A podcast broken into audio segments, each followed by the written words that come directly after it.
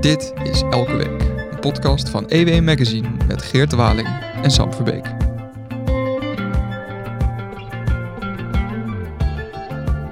Uh, het is vandaag maandag 20 november. Dat betekent dat we nog twee dagen hebben voordat uh, heel Nederland naar de stembus mag.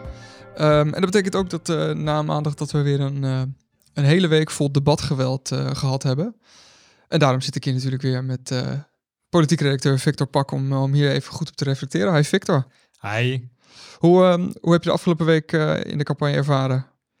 Nou, het is nu wel echt, echt, echt, echt losgebarsten, denk ik. De, de strijd, sensatie af en toe en ook wel de spanning. Twee dagen van tevoren, zeg maar. Dus de afgelopen week eindelijk brak er een soort van gevecht uit om de gunst van de kiezer. En de campagne tot dusver was heel mat. Maar ja, we hebben dat uh, nu, wat is het, twee of drie podcasts hebben we het besproken. Iedere ja. keer van wanneer komt het nou een keertje ja, los? En iedere keer zat ik er finaal naast, ga ik gewoon eerlijk toegeven. Ik had echt gedacht dat partijen wel meer de, de strijd onderling met elkaar zouden, zouden opzoeken, deze campagne. Er werd natuurlijk heel lang uh, gesproken van een inhoudelijke campagne. Mm -hmm. um, maar die inhoud legde ook een soort deken op, ja, op de op de debatten die we hebben gezien, op de interviews die we uh, lazen, waarin het dan wel over de inhoud ging, maar voor iedereen was dat anders. Um, waardoor politici bijvoorbeeld in debat heel erg met elkaar het eens waren over hoe erg het wel niet is dat er woningnood is, dat mensen in armoede leven. Um, het klimaat kwam voorbij. En dan iedere keer werd benadrukt, ja, we zijn het allemaal eens dat er iets moet gebeuren. Maar je wil natuurlijk weten, oké, maar als de een, als we allemaal vinden dat er meer woningen moeten komen in Nederland, hoe gaan we dat dan regelen? Op welke manier valt dat te regelen? Um, uiteindelijk is politiek gaat om, om keuzes maken. En degene die de macht van de kiezer krijgt, die kan die keuzes gaan maken. Um, dus ik, daar stoorde ik mezelf heel lang aan. En nou, deze afgelopen week hebben politici denk ik meer de aanval durven, durven zoeken op elkaar. Maar ja, ik, ik zelf denk dan, dat komt rijkelijk laat, zeg maar. Voor de, voor de kiezer, de kiezer had er meer baat bij gehad als het, als het eerder was, was losgebarsten. En wat mij betreft zou eigenlijk, kom, komt woensdag, 22 november, komt iets te vroeg. Nog net iets te vroeg. Ja, als, je, als ze meer tijd hadden gehad, als we nu nog een week lang campagne kunnen voeren, dan kan je het nog eens ergens met elkaar over hebben. Het liefst over die verschillen. Um, we zijn een beetje voor het lapje gehouden, vind ik, als, uh, als kiezer, zeg maar. Ja, want er, inderdaad, er is wel de hele tijd gezegd door de, uh, nou ja, de, de drie frontrunners. Nu moeten we het misschien hebben over vier omdat de PVV ja. daar ook bij, en daar kunnen we misschien, misschien zo op terugkomen. We, ja. Die hadden het over een hele inhoudelijke campagne en dat het zo fijn was dat het echt ergens, ergens over ging. En toch uh, kan ik me niet onttrekken aan het gevoel dat er een heleboel onderwerpen zijn die niet helemaal goed aan de orde zijn gekomen. Denk aan nou, bijvoorbeeld defensie of uh, de internationale betrekkingen, uh, ik, ik, de zorg. Nou ja. Ik heb het idee dat de campagne heel erg naar binnen is gericht en dat dan zelfs dan nog een paar onderwerpen niet voorbij zijn gekomen die, die binnenlands heel belangrijk zijn. De zorg mm -hmm. bijvoorbeeld. Ja. Um, maar, maar als je naar buiten kijkt, natuurlijk echt de oorlog in Oek Oekraïne. Nederland loopt voorop in het verlenen van steun. Uh, als je naar Europa in ieder geval kijkt, aan wat wij doen voor Oekraïne. Um, daar is de afgelopen tijd heel grote overeenstemming over geweest. Maar hoe, hoe hou je die steun duurzaam? Hoe ga je daar op de lange termijn mee door? We zien nu afgelopen zomer dat, dat de oorlog in Oekraïne nog lang niet klaar is. Nou ja, blijven wij ieder jaar bereid om daar heel veel geld in te, te steken? Dat is een politieke uh, vraag ja. die eigenlijk helemaal niet aan bod is gekomen. En volgend jaar wordt sowieso een roerig internationaal jaar. Er zijn bijvoorbeeld verkiezingen in de Verenigde Staten. Als Trump aan de macht komt, hoe stellen wij ons dan op als Europa zijnde? Bestaat de NAVO eigenlijk dan nog uh, met zo'n president in de Verenigde Staten? Allemaal vragen die ongewis zijn uh, gebleven. En misschien nogal de belangrijkste vraag. In Nederland verdienen we toch vooral geld omdat we hier een goed vestigingsklimaat hebben, omdat er bedrijvigheid zijn, omdat mensen hier geld um, verdienen. Ja, daar is het eigenlijk nauwelijks over gegaan. Terwijl de afgelopen kabinetsperiodes, we hebben gezien dat dat vestigingsklimaat serieus onder druk staat. En wij bij EW, daar hebben we een heel mooi verhaal over gehad van economie-redacteur Joris Heijn. Ja. Dat is zeer de moeite waard. Dat stelt al die... Zet ik in de show notes? Ja, heel goed. het is echt, lees dat nog voor je naar de stembus gaat. Het zet heel goed neer van hoe Nederland dat goede vestigingsklimaat heeft verworven, maar ook onder welke druk dat nu staat door allerlei regeltjes, afspraken tussen de Belastingdienst, het bedrijfsleven, die continu weer op de schop, sta, op de schop gaat. En je wil natuurlijk wel dat, dat er een stukje stabiliteit in zit. Dat is echt wat bedrijven zeggen van, we snappen wel dat we bijvoorbeeld voor klimaatdoelstellingen meer moeten be- betalen of daar meer in moeten investeren. Maar we willen vooral een lange termijnvisie vanuit de overheid. En de afgelopen keer, dan ze hebben we ons aan de ene regel aangepast, komt de volgende weer en wordt die vorige weer ingetrokken. Ja, dus je blijft achter de feiten aanlopen. Ja, precies. Het, ehm, nu gaan we het vandaag hebben over, d- want er zijn wel honderdduizend debatten geweest eh, de afgelopen week, maar we gaan het hebben over twee debatten. Eh, allereerst een, eh, een, een debutant, debat van Nederland op eh, SBS. En daarna gaan we het ook hebben over het jeugdjournaal debatten. De, debat, eh, allebei twee vreemde eenden in de bijt. Maar laten we eerst even de balans opmaken. Eh gisteren, of eergisteren, ehm, is er een peiling gepubliceerd van eh, Maurice de Hond. En die heeft redelijk wat stof doen opwaaien, begrijp ik. Dat is zeker zo. Als je kijkt nu ehm, bijvoorbeeld in een ander debat, in het debat van het Zuiden, werd meteen die peiling aangehaald door Rob Jette. En eh, nou, Frans Timmermans, die was daar niet, eh, terwijl hij toch uit Limburg komt. Maar goed, ehm, GroenLinks PvdA, die wijzigt echt naar aanleiding van één peiling de hele verkiezingscampagne eh, door campagne te gaan voeren op, op stop rechts. Ehm, Geert Wilders zou in één peiling, dat is eigenlijk ja, marginaal. Het kan, het kan een trend ontdekken, één peiling.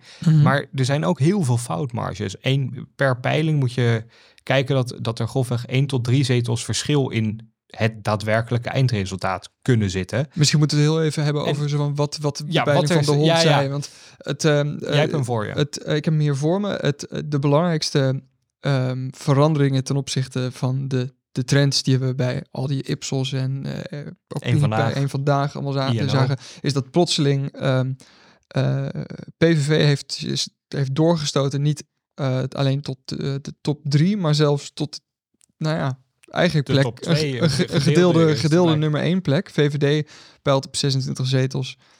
de PVV met hun. Dan is de gedeelde tweede plek is, van nieuw sociaal contract van Pieter Omzicht.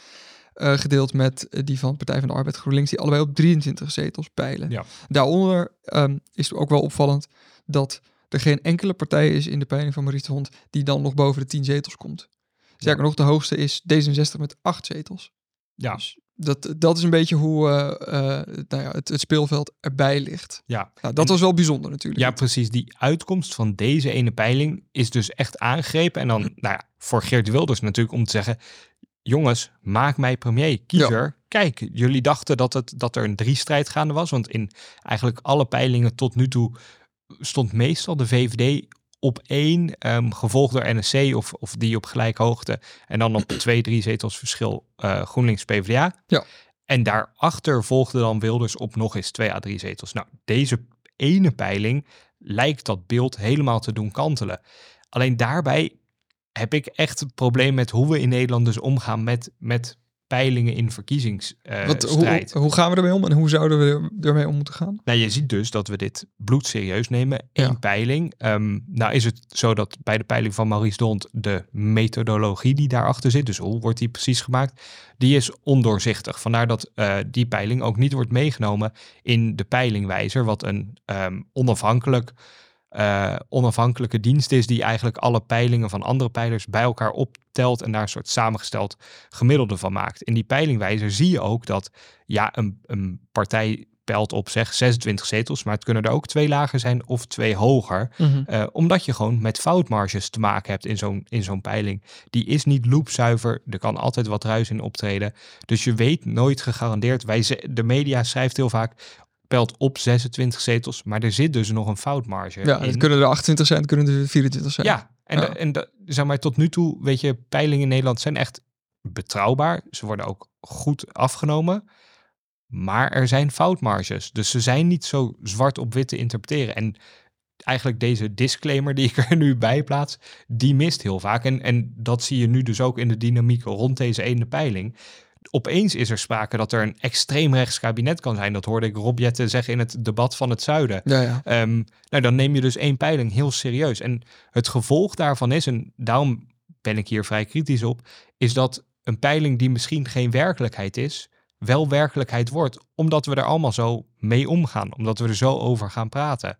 En dat is iets wat ik zelf probeer niet te doen. En wat wij bij EW proberen om juist te vermijden. Dat we alleen maar gaan praten over, over onzekerheden. Wij willen juist kijken naar de feiten, wat we echt weten. Ehm, deze hele eh, verkiezingscampagne proberen we ehm, inhoudelijk naar de politiek te kijken en dat te duiden. En niet, ja, niet, in die waan van de dag te blijven zitten. Omdat wij de overtuiging hebben dat we daarbij onze lezers gewoon beter bedienen. Als ik het goed begrijp, is dan het gevaar van verkeerd omgaan met peilingen is dat er een soort self-fulfilling prophecy in zit. Dat als je het te serieus neemt, dan wordt het, dan wordt het ook serieus. Dan wordt het ook serieus. Um, je hebt, geloof ik, ook landen, neem bijvoorbeeld Italië. Daar is het uh, twee weken voor de uh, stembusgang is het verboden om nog peilingen te publiceren. Ja. hoe, hoe kijk je er tegenaan?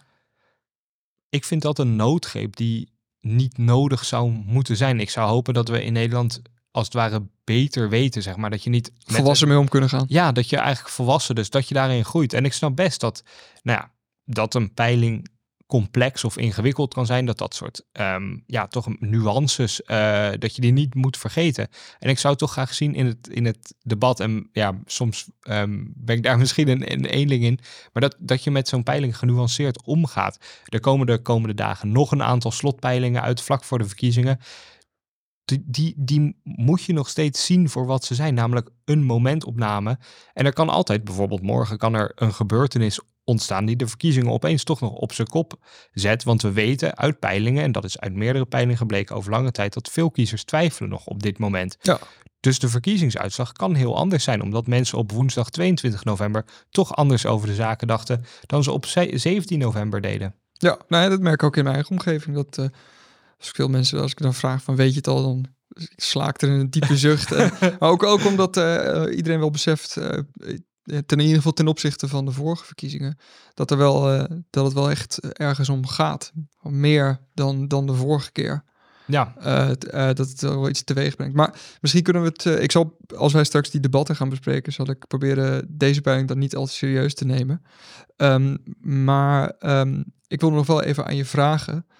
Um, want hij, zoals je het zelf uitlegt, wordt hij dus misschien wel een beetje te serieus genomen. Uh, wat betekent zo'n peiling voor, nou laten we zeggen, de, de, top, de top 4? PVV is natuurlijk erg blij ermee, kan ik me voorstellen. Nou ja, je, je ziet dus de dynamiek kantelen, omdat dus de partijen zelf ervoor kiezen hem heel serieus te nemen, omdat ze denken, omdat ze daar politiek gewin uit kunnen halen. Ja. Um, dus bij de PVV, en dat is begrijpelijk, um, die willen natuurlijk de, gewoon de grootste worden, die, die willen winnen. Bandwagon um, hopen ze op. Ja, dan hoop je natuurlijk dat mensen hier massaal in gaan geloven. En dat je aan steun kan verzamelen. Omdat het opeens wel realistisch is, waar dat de afgelopen weken dan uh, niet zo was, dat Wilders de grootste kan worden. En zeker voor de PVV, die natuurlijk wordt uit, uitgesloten door andere partijen, bijvoorbeeld door Pieter Omtzigt, kan het een heel wezenlijk verschil maken als je de grootste wordt of niet. Dus die zetten nu massaal in op dat verhaal van wij gaan de grootste worden, zie deze peiling. Ja. Um,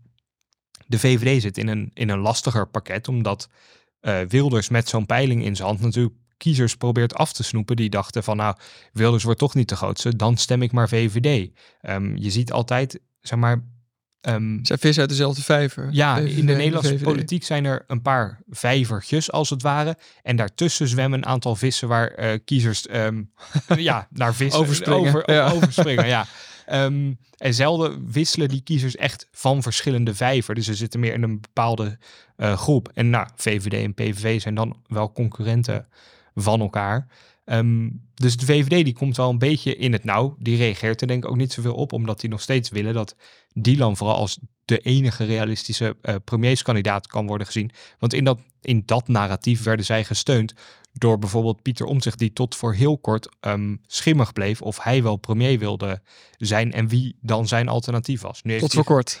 Ja, nu heeft hij gezegd bij Buitenhof, geen debat, maar wel in een interview dus, dat hij er wel voor open zou staan met de nodige mitsen en, uh, en maren.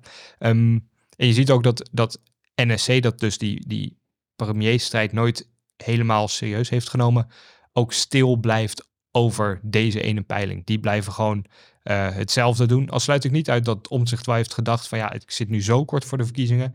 Nu moet ik eindelijk wel hom of kuit geven over die premiersvraag. Ja, want ik was ook benieuwd naar wat jij, hoe jij erover zou, zeggen, zou, zou praten. Want ik kan me ook nog herinneren, misschien zelfs op de redactie hier, dat toen uh, de campagne een beetje begon, en Omtzigt het zo in het vage hield, dat er ook op de redactie wel eens iemand gezegd heeft van, ja, die wacht gewoon tot het laatste weekend voor de verkiezingen.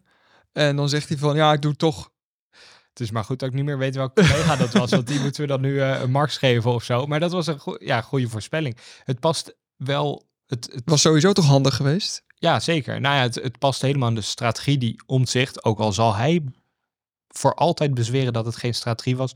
Maar deze hele campagne zie je dat omzicht zo vaag mogelijk blijft. Omdat hij van links en rechts wel kiezers eh, trekt. Hij is de enige die als het ware boven die Ja. vijvertje staat. Het vat dat Voor- met iedereen voor, communiceert. Voor iedereen is hij aantrekkelijk geweest. Ja, Ehm, en je blijft alleen maar aantrekkelijk als je vaag blijft. Want zodra je concreet gaat worden over bijvoorbeeld echte, echte opvattingen over of het nou abortus is, klimaat of migratie. Ja, dan gaan kiezers die dachten van, oh die omzicht is een goede vent. Oh, maar wacht, hij denkt zo over het klimaat of zo over abortus.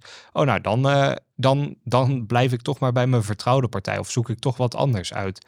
Ehm, nou ja, hij heeft dus nu aangegeven dat hij het misschien wel, eh, wel gaat doen. Dus als hij daadwerkelijk de grootste kan worden. En dan een, een kabinet kan leiden met vooral vakministers. Ehm, wat vakministers dan weer zijn, is enigszins onduidelijk. ja dat Hij- had ik ook, Hij, had ik ook op een lijstje ja, staan. past, past in, het, in het rijtje van, van Vaagheden. Eh, vaagheden. Ehm, hij zelf zegt over van dat zijn dus mensen die praktijkervaring hebben op dat gebied van het, van het ministerie, ehm, maar die wel partijlid kunnen zijn. Dus zijn niet per se partijloze ministers.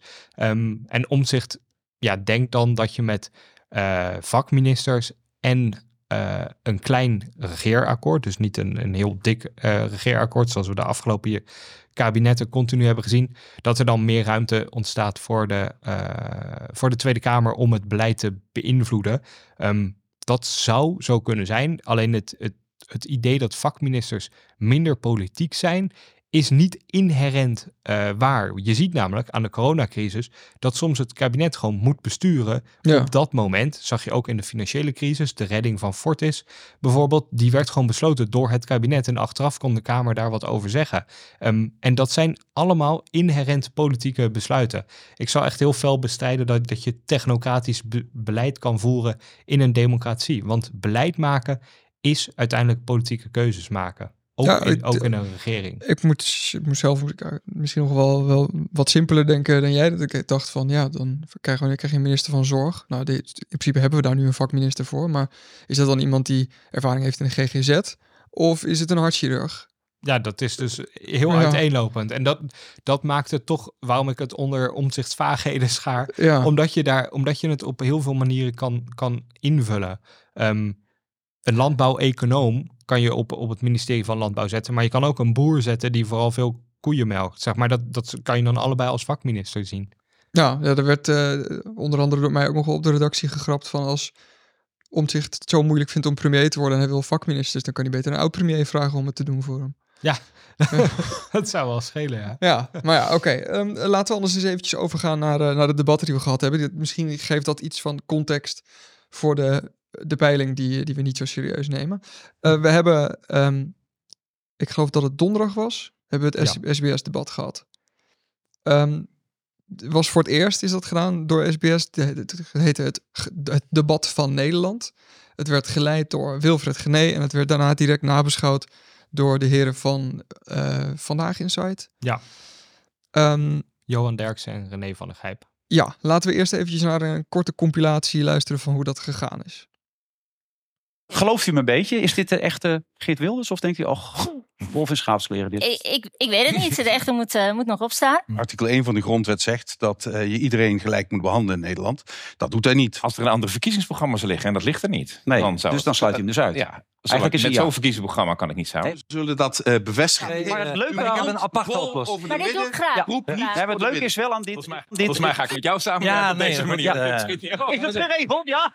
Op wonen komen we er wel uit. Ja. Ik denk, dit wordt Nou, eh, ik, ik laat het eventjes daarbij. Er was Ja. nog een, ja, ja, het gaat nog, gaat nog veel langer door. Eh, Het schetst wel de sfeer. En ik denk dat dat is wat we willen meegeven hiermee. nou, het eerste wat ik aan jou wil vragen is... We hebben hiervoor wel, wel eens wat debatten besproken. Daar vonden we het allemaal vrij tam. En weinig confrontatie, weinig potsingen. Dat was dit niet. Nee, nee, dat was dit niet. Maar ja, dat is toch een beetje van. ehm, je hebt het koud in je huis, dus je wilt wat warmer zetten. En dan ze- zet je het hele huis maar in de fik. ja, dan heb je het wel wat warmer. Maar ik weet niet of helemaal je, je doel nou echt is bereikt. Je was geen Ik- fan. Nee, ik, ja, ik vond dit zelf echt het, slechtste debat in ieder geval van deze campagne. Het, is, het was moeilijk te volgen. Ehm, er zat weliswaar dan inderdaad wat meer strijd in, maar op zo'n chaotische wijze met gewoon ontzettend veel geschreeuw. Ehm, dat was gewoon gek eh, eigenlijk. En, en, ehm, en niet altijd fair vond ik naar, naar de debatdeelnemers. Bovendien, ja, opeens zonder echt goede inleiding staat er een donateur van de VVD. En dat werd er wel even bij gezegd uiteindelijk.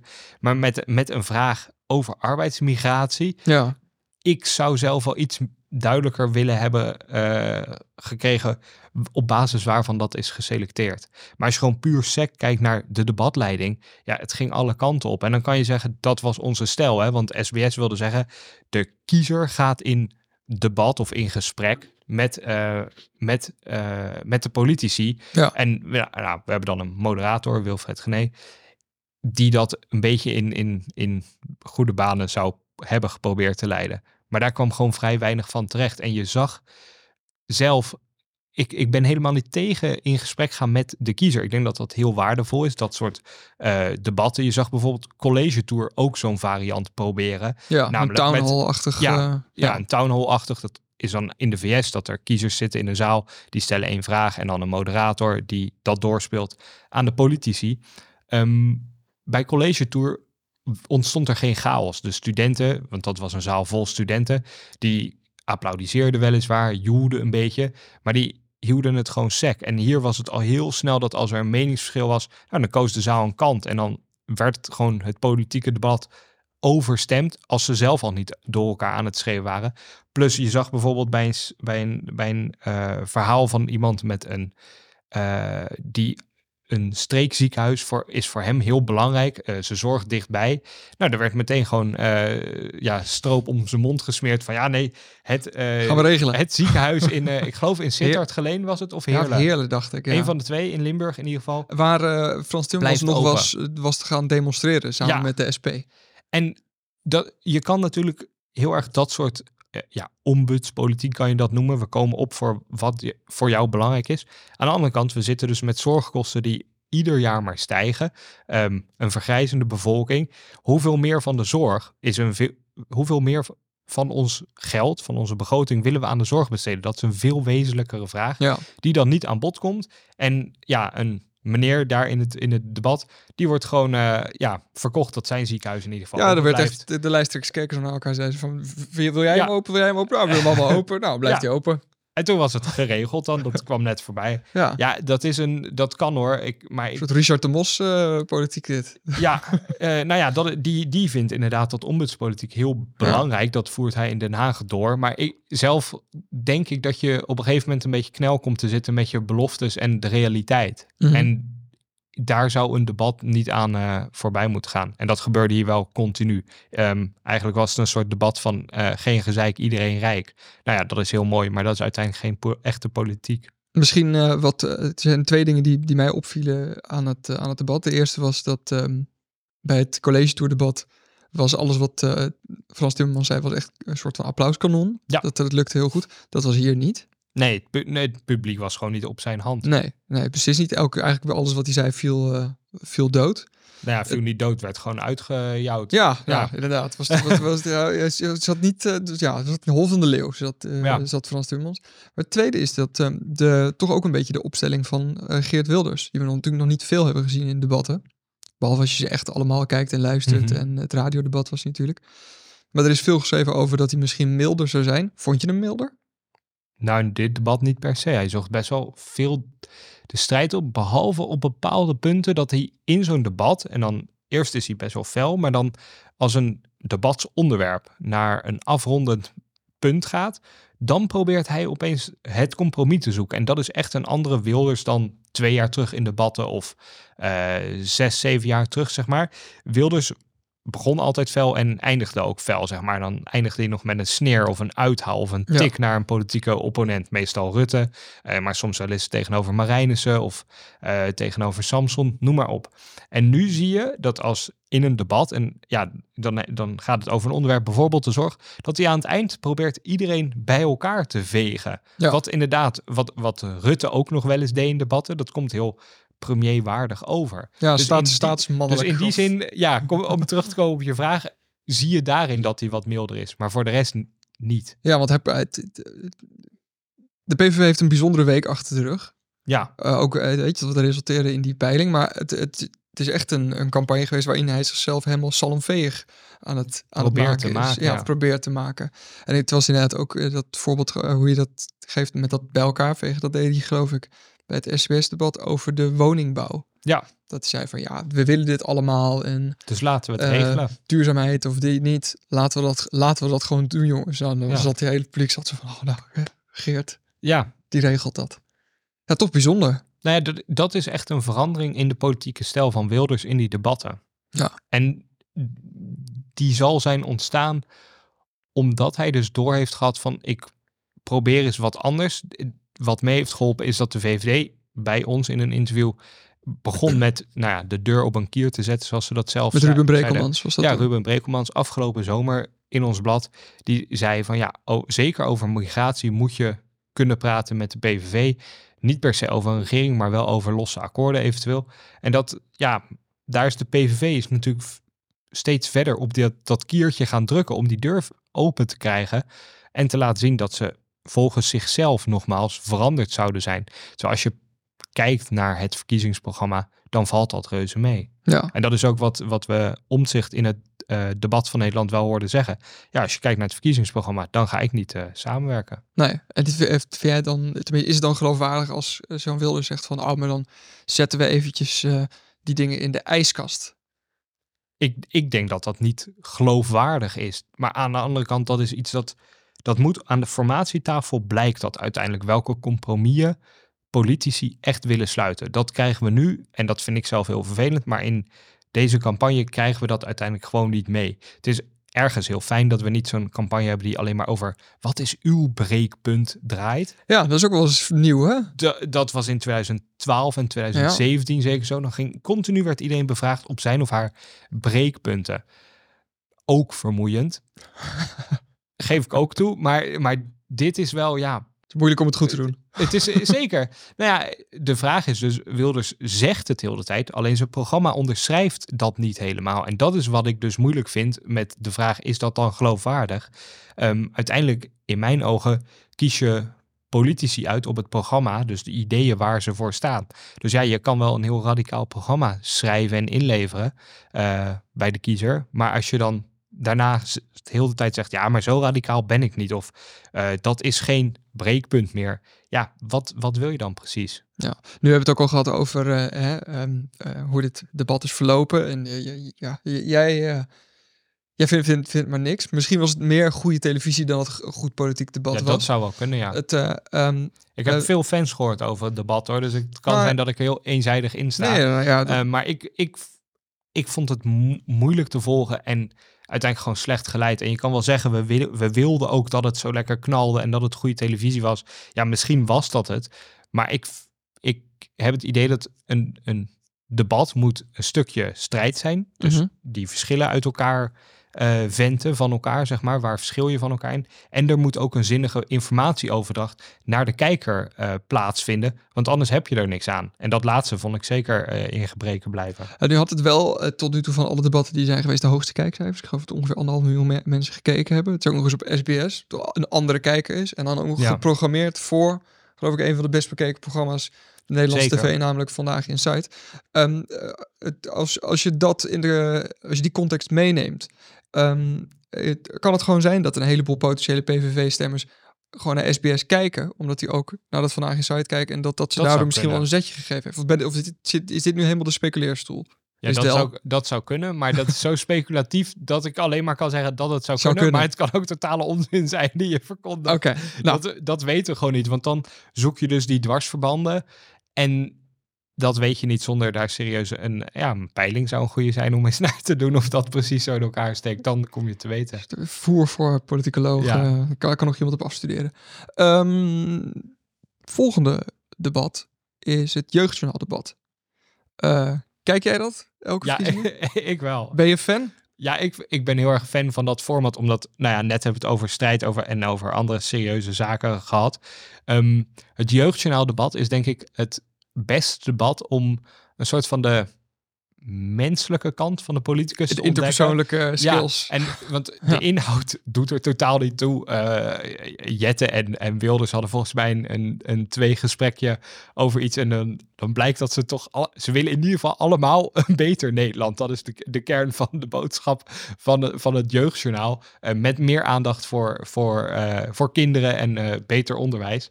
Ehm, maar de, ik vind zelf de momentjes van interactie met de lijsttrekkers onderling en die met het publiek. Er zaten twee schoolklassen, eentje uit Doorn en eentje uit Arnhem, zeg ik uit mijn hoofd. Ehm, en dat is, dat is, ja, het is altijd interessant. Kijk, kinderen zijn, ehm, nou ja, als- Onbevangen. zijn, zijn onbevangen en vooral onvoorspelbaar. Je weet niet wat een kind doet, je weet niet wat een kind eh, vraagt. Dus je zag bijvoorbeeld ehm, Henry Bontebal, die kreeg de vraag wat hij zou doen met 1 miljoen euro.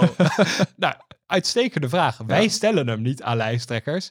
Ehm, en je merkte dat Bontebal daar eigenlijk bloedserieus op inging. Hij wil namelijk een groen bedrijfje dan oprichten om te kijken hoe hij geld kan investeren voor duurzame oplossingen, duurzame technologie eh, die dan klimaatverandering eh, bestrijdt, dus voor een beter milieu. Ehm, ja, ik, Wat ik- vond het eh, kind van de antwoord? Zo, oh, Ja, oké. het kind had nog een beetje moeite met het begrijpen wat het woord investeren Of betekent. duurzaam is. Ja, dus Ja. Dat, dat soort ehm, ja, grappige interacties zijn in, in zo'n campagne, vind ik, heel erg de moeite waard. En het is ook maar 50 minuten, ehm, dus dat scheelt. Het, eh, ik geloof dat de lijsttrekkers het, het ook erg leuk vinden. Laten we heel veel naar ze luisteren. Dit is het leukste debat van allemaal. Weet je, voor mij is het niet zo moeilijk om me te verdiepen in de kinderwereld. Want zelf zit ik ook een beetje in de kinderwereld. Misschien wel het leukste debat. een beetje ingelezen. Nou ja, ik- kijk, ik ben vader en grootvader, dus eh, inlezen hoeft niet echt. Het wordt heel leuk. Altijd een van de hoogtepunten. Ik heb zelf twee kinderen. Ik, ik heb gezien dat we ook spelletjes moeten doen. Ik wil wel winnen. Ja, we maken ze in, die uitjes. Ja, we maken die oudjes in. nou, dit was Rob Jetten die de rest oudjes noemt. tegen de, tegen de st- stel kinderen. Ja, Ehm, eh, opvallend. Eh, Pieter Omtzigt deed niet mee. Ja, Ja, dat past in zijn stijl. Die vindt dit niet serieus genoeg. En daar kan ik op wel begrip voor hebben. Ehm, aan de andere kant heb ik zelf ook zoiets dat zo'n jeugdjournaaldebat, wat ook wel goed bekeken wordt ehm, onder die doelgroep, en die kan natuurlijk niet stemmen, maar het is wel een soort maatschappelijke vorming. Hè? ja, kinderen kijken toch wel met hun ouders. Ja, precies. Ja, En, en dat is mijn punt, zeg maar. Het draagt bij aan maatschappelijke vorming. Dat we in Nederland in een land leven waar je überhaupt politici hebt, waar je een mening over kan vormen en noem maar op. Ehm, niet ieder land is daarmee gezegend. Dus het is dan, ja, en dan kan je zeggen, ja, maar daar, god, we zijn in een drukke campagnetijd, dus ik heb er geen tijd voor. Dat mag, hè. Ehm, maar het is ook, het is wel een stukje investering in de toekomst, lijkt mij. Want dit, uiteindelijk is dit gewoon de, de kiezer van de toekomst, hè. Ja, nee, eh, en overigens, ehm, wat ook be- best bij mag worden gezegd. het was voor eh, elke lijsttrekker, behalve Geert Wilders, de eerste keer dat ze meededen aan het, Klopt, ja. aan het jeugdjournaaldebat. Eh, en het, ja, het is toch wel inderdaad dan interessant om ze allemaal eventjes zo te zien. Ja, Het is natuurlijk eh, vooral heel grappig om te zien, het jeugdjournaaldebat. Maar er zaten er ook nog eh, onderdelen in die toch we serieuzer kunnen nemen. niet helemaal, maar de, het, het leukste vind ik wel dat er af en toe dat ze even dus vergeten dat ze met kinderen zijn die ehm, soms context totaal missen. Bijvoorbeeld Caroline van der Plas, die begon over dat ze nog steeds wel eens moeite had met rekenen. En volgens mij was dat een indirecte eh, link naar de gratis biermotie die zij eh, had ingediend. En wat Henry Bontebal van het CDA zo framede over afgelopen politieke beschouwingen was dat. En het niet doorgerekende programma. En dat niet doorgerekende programma. En ik had heel erg het idee dat Van der Plas daar nog even op terugkwam. Maar ja, dat publiek van zes, zevenjarigen, die, die weten Ja, dat allemaal niet. krijg je Dus niet, dat, dat krijg je niet de handen van op elkaar. Nee. Ja, ja. Ehm, dus dat, dat, dat is goed om te zien. Ehm, verder, ehm, verder is het, is het, denk ik, vind ik het positieve eraan dat dat vooruitgangsideaal, hè, iedereen wil op zijn manier een beter Nederland. Ja, dat is wel de moeite waard. Je ziet dat soms in Nederland de verschillen dan ook weer niet zo groot zijn. Opvallend was overigens ook met, eh, in vergelijking met het SBS-debat, waar het toch chaotisch en soms ook nog wel een beetje kattig en vijandig werd. Was, waren het nu wel allemaal braafste jongetjes en meisjes van de klas, hè? ja, Ja. ja. Ja, Dan opeens wel het goede voorbeeld geven. Ze mochten de bal naar elkaar over eh, gooien. En dan-. Ja, eh, het ken- ja. kennismakingsspel. De, en dat werd dan de bontebal genoemd. Oh, ja. omdat er allemaal eh, stippen op zaten en de hoofden van de, van de lijsttrekkers. Maar ze spraken elkaar allemaal leuk aan met de voornaam. En ze, ja, het, het straalde een en al gezelligheid uit. Maar goed, logisch bij zo'n eh, debat. We, we zijn het, ik zei het aan het begin van de podcast al. We hebben nog maar twee dagen voordat we naar de stembus moeten ehm, of mogen. Eh, daarvoor hebben we wel nog een paar ehm, nou ja, debatmomenten. Vanavond, dan zeg ik vanavond, dus op de maandag, is het één vandaag debat. Ja, Om, ik zeg even uit mijn hoofd, tien voor half zeven. Eh, op NPO 1. op NPO 1. En dan is er dinsdag is er eh, het NOS-debat. Ja, Heb je daar eh, hoge, lage, wat voor verwachtingen heb je ervan? Nou, ik ben zelf heel benieuwd naar die kijkcijfers. Want je noemde op inderdaad van het, het eh, debat van Nederland is tot nu toe het best bekeken debat. Ik ben heel benieuwd of een van deze twee nog hoger gaat scoren. Want dat zou dus eh, een indicatie zijn dat, dat de vorige debatten, dat het gewoon allemaal minder leefde bij de kiezer. En dat daar nu verandering in zou zijn gekomen. Want inderdaad, SBS wist goed te scoren. Nou, doet een vandaag dat ook. En doet de NOS dat vervolgens ook. Volgens mij is het slotdebat meestal het meest bekeken debat. Ja, doorgaans Ehm, wel. Ik vind het niet het meest fijne debat, omdat iedereen aan bod komt. En uiteraard de grote partijen in, eh, met meer aandacht, meer spreektijd. De kleinere vaak eh, onderling met eh, hun eigen samenstelling. Ja, die moet het onderling vaak uitvechten. Dat, Ja. dat denk ik, het moet er in gesprek moet gaan met Volt. Ja, Zoiets. precies. Terwijl ja, daar, te, daar twijfelen mensen niet zo heel vaak ehm, tussen. Zelf heb ik het idee dat debatten op zo'n laat moment nog weinig verschil uitmaken voor de, voor de kiezer. Zeg maar op dinsdagavond weet je misschien al wel gewoon wat je woensdagochtend eh, gaat stemmen. Maar er kan altijd een, een onverwachts moment tussen eh, zitten. Ehm, en in die zin is het ook wel, wel, eh, wel spannend om dat in dat licht te, bekijken. Probeert iemand nog eens iets? Ehm, want we weten nu toch, wij hebben het er ook al hier over gehad.